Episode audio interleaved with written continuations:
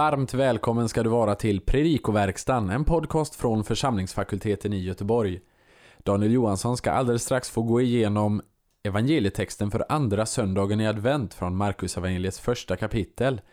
Men eh, innan jag lämnar ordet till Daniel så vill jag ge dig en påminnelse om att lämna plats i din almanacka den 24 och 25 februari nästa år då vi här på församlingsfakulteten har en bibelkonferens med temat Den levande Gudens son. Så gör plats i almanackan för detta. Men nu, nu kan vi luta oss tillbaka, tända andra ljuset i ljusstaken och ta fram vår bibel eller vårt Nya Testamente på grekiska och lyssna till genomgången av evangelietexten för andra söndagen i advent. Vi önskar dig god lyssning. Tredje årgångens evangelium för andra söndagen i advent kommer från Markus 1, 14-15. De här två korta verserna innehåller en del språkliga svårigheter. Och vi börjar från början där det på grekiska står Meta de to paradothenai ton Johannen. Det här är en ackusativ plus infinitiv sats där infinitiven föregås av preposition och artikel. Prepositionen meta plus ackusativ indikerar tid och översätts efter. Efter att Johannes utlämnats. De flesta översättningar har eh, blivit satt i fängelse eller liknande men verbet som används är detsamma som senare används eh, om hur Jesus utlämnas 9.31 10.33 i Markus. Eller eh, när det beskrivs hur Judas förråder eller utlämnar Jesus, eh, till exempel 3.19. Keryson är ett eh, presensparticip som antingen närmare beskriver omständigheten under vilken Jesus kommer till Galileen. Jesus kom förkunnande. Eller eh, uttrycker participen syfte. I koine-grekiska kunde presensparticip ersätta futurumparticip för att uttrycka just syfte. I så fall är betydelsen Jesus kom till Galileen för att förkunna. Innehållet i förkunnelsen är uttryckt med genitivkonstruktionen to evangelion to theo. Här står vi inför valet hur vi ska översätta den här genitiven. Är det en subjektiv genitiv, Guds evangelium, i meningen evangeliet från Gud eller en objektiv genitiv evangeliet om Gud. Samma val måste vi göra i evangeliets första vers, Arche to evangelio Jesu. Är det fråga om evangeliet om Jesus eller Jesu evangelium? Man kan i båda fallen ge goda argument för både subjektiv och objektiv genitiv. Kanske det är så att tvetydigheten är medveten och att båda betydelserna avses. Evangeliet om Gud är samtidigt evangeliet från Gud. Tyvärr är det svårt att få fram eh, den här tvetydigheten på svenska.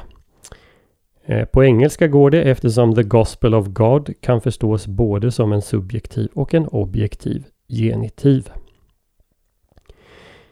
I vers 15 möter först två perfekt P plärotai och engiken. Innebörden i perfekterna är omdiskuterad i båda fallen. Jämför här eh, hur Bibel 2000 översätter Tiden är inne, Guds rike är nära. Med hur folkbibeln översätter Tiden är fullbordad och Guds rike är nu här. Kairos uttrycker normalt sett en bestämd tidpunkt och tog det göra så här också. Tillsammans med perfekt av plero säger Jesus att tiden är nu fullbordad. Nästa perfekt, engitsu, betyder närma sig eller komma nära. Det är ett rörelseverb. Men frågan är hur man översätter det när det står i perfekt som ju normalt uttrycker att en handling har förts till fullbordan. Säger Jesus att Guds rike är riktigt nära nu? Eller är det här, har det kommit?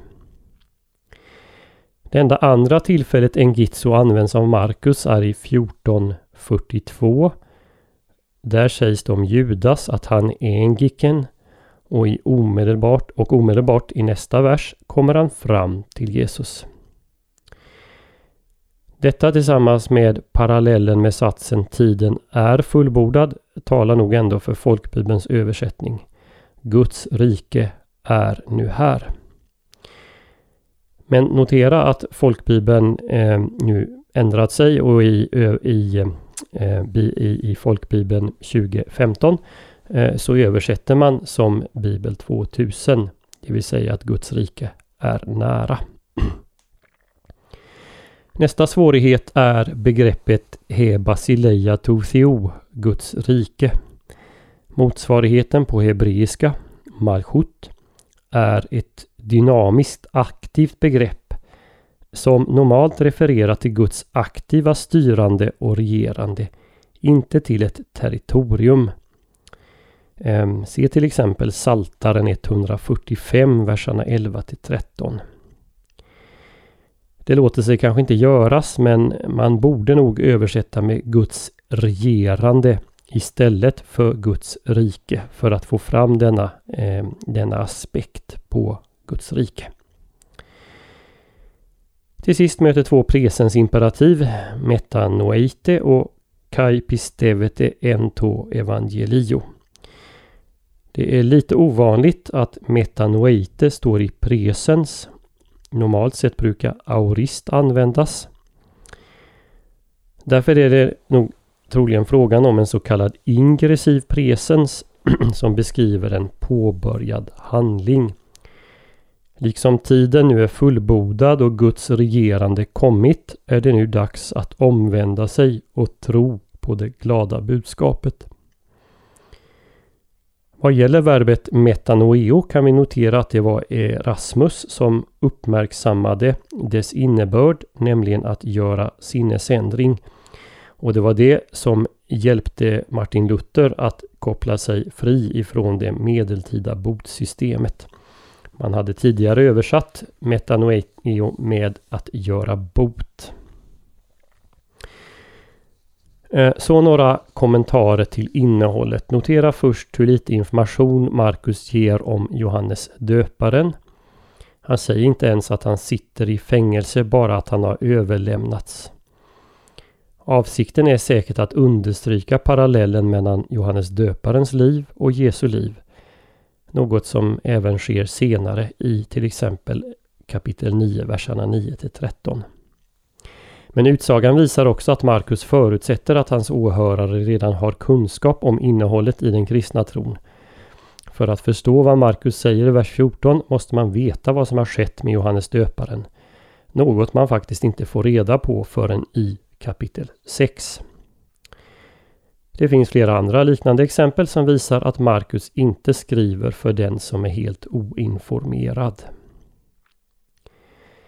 Galileen är området för större delen av Jesu verksamhet i Markus evangeliet. Notera för övrigt också fokuset på Galileen i slutet av evangeliet. Det är där Jesus och lärjungarna ska mötas på nytt efter hans uppståndelse enligt kapitel 16, vers 7. I vers 15 korresponderar de två verben i perfekt med de två imperativen i presens. Tiden som fullbordats har sin motsvarighet i sinnesändringen och Guds regering eh, som är här har sin motsvarighet i tron på evangeliet.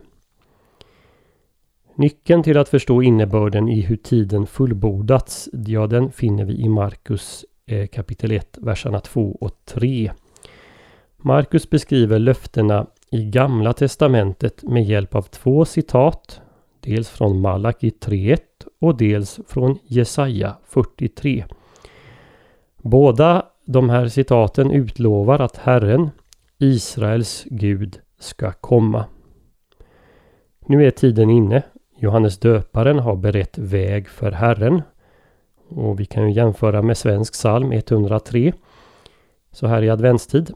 Och nu påbörjar han Jesus sin offentliga verksamhet i Jesu förkunnelse, i hans botande av sjuka, i hans utdrivande av onda andar och bindandet av Satan, i hans utväljande av tolv apostlar, i hans bespisningsunder och hans makt över vattnet och inte minst i hans korsdöd och uppståndelse framträder nu Guds regering.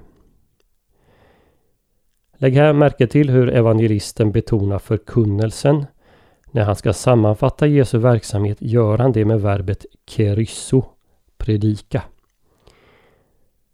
Markus lyfter fram många andra aspekter men förkunnelsen betonas i den sammanfattande inledningen. Till sist lägger vi märke till de två imperativen i Jesu förkunnelse. Det handlar då om att göra sinnesändring och om att tro det glada budskapet. När reformationens teologer skulle definiera den evangeliska boten sa man att den består just i detta, i ånger och tro. Ehm, här kan man jämföra refrängen i Svensk psalm 228 i tro under himmelens skyar som nämner dessa två begrepp. Ehm, och det reformationen då gjorde det var att man fångade upp det väsentliga i hur evangelisten Markus hade introducerat eh, Jesu förkunnelse.